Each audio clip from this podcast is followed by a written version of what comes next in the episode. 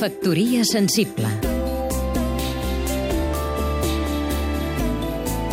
Emili Rosales, escriptor i editor Corria la segona dècada del segle XIX a la ciutat de Sant Petersburg, el Bàltic glaçat i l'agulla daurada, quan el tsar Nicolau I va decidir canviar d'estratègia amb el brillant i incòmode poeta Alexander Pushkin, autor de La filla del capità i de Boris Godunov.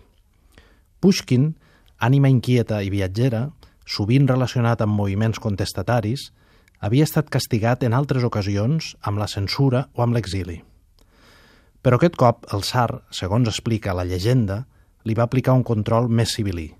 L'escriptor, convertit en cortesà, havia d'acudir a cadascuna de les recepcions a Palau. Els salons i les obligacions d'una vida social ininterrompuda van esdevenir llavors el malson del gran escriptor romàntic. Si cadascú de nosaltres és un Pushkin amb les seves ànsies de llibertat i coneixement, llavors el nostre sar malintencionat és la inundació d'informació i les múltiples vies per les quals ens arriba o de les quals se'n reclama resposta.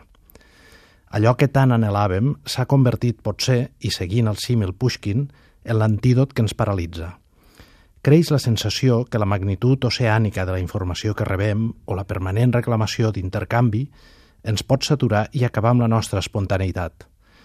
És clar que Pushkin, a la fi, es va batre en duel no amb mil, sinó amb un sol contrincant. Factoria sensible Seguim-nos també a catradio.cat